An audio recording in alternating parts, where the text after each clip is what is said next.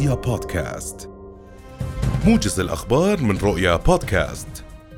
أعلن البنك المركزي الأردني بدء طرح الإصدار الخامس من فئة العشرة دنانير للتداول والتي تزين وجهها صورة جلالة الملك طلال بن عبد الله اعتبارا من اليوم.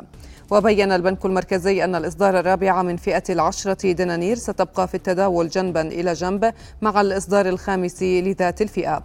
وأكد في بيان اليوم أن فئة العشرة دنانير ستتضمن أحدث العلامات الأمنية المستخدمة في عالم صناعة النقد بالإضافة إلى تحسين جودة أوراق النقد المتاحة للتداول وديمومتها لفترة أطول. رجح مدير وحدة تنسيق القبول الموحد في وزارة التعليم العالي والبحث العلمي مهند الخطيب. إعلان موعد تقديم طلبات الالتحاق بالجامعات والكليات بعد إعلان نتائج الثانوية العامة منتصف الشهر المقبل مباشرة. موضحا أن الوحدة تعكف في هذه الأيام على تحديث بيانات المواقع الإلكترونية الخاصة بها. وبين الخطيب لرؤيا اليوم أن الوحدة تتواصل حاليا مع الجامعات والكليات حتى يتم حصر التخصصات التي سيتم عرضها على الطلبة للقبول فيها للعام الجامعي 2023-2024 وحول معدلات القبول أوضح الخطيب أنها تعتمد على متغيرين أساسيين. الأول يتعلق بأعداد الطلبة المتقدمين والمقاعد التي تخصصها الجامعات والكليات والثاني نتائج الطلبة أنفسهم في الثانوية العامة ورغبة الطالب في اختيار التخصص. قال وزير التربية والتعليم الدكتور عزمي محافظة أن كوادر الوزارة رصدت مخالفات غش كبيرة وبأساليب تكنولوجية متقدمة خلال امتحانات الثانوية العامة.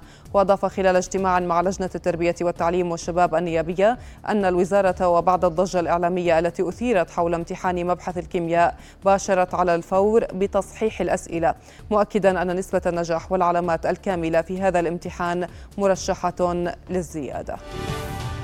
تنطلق اليوم فعاليات مهرجان جرش للثقافة والفنون بنسخته السابعة والثلاثين تحت شعار ويستمر الفرح والتي ستقام في المدينة الأثرية بمحافظة جرش. وتستعد المدينة الأثرية لاستقبال زوار المهرجان على مدار الساعة وتبدأ فترة الذروة في الموقع من ساعات المساء الأولى وحتى ساعات الفجر للاطلاع على الحضارة والثقافة والإبداع داخل المدينة الأثرية وانعكاس التاريخ والحضارة والثقافة على الآثار وتسويقها عبر مختلف دول العالم من خلال الفعاليات العربية والعالمية. بلغ عدد الأسر الجديدة المشمولة في برنامج الدعم النقدي الموحد في صندوق المعونة الوطنية خلال شهر تموز الحالي نحو 2465 أسرة بعد انطباق شروط الاستهداف عليهم. وستستلم الأسر الجديدة مخصصاتها المالية الجديدة مع نهاية الشهر الحالي. وقالت مدير عام صندوق المعونة الوطنية ختام شنيكات في تصريح صحفي إن عدد المستفيدين من برنامج الدعم النقدي الموحد يبلغ 120 ألف أسرة.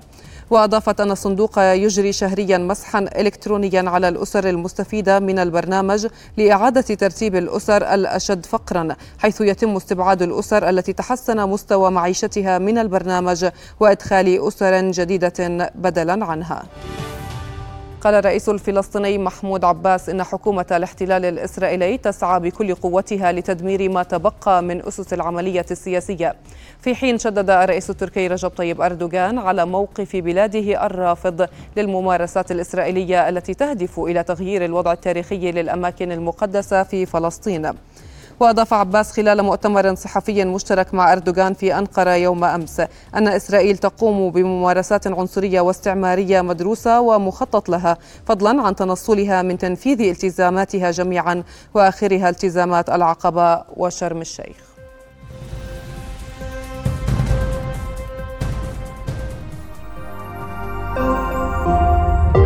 رؤيا بودكاست.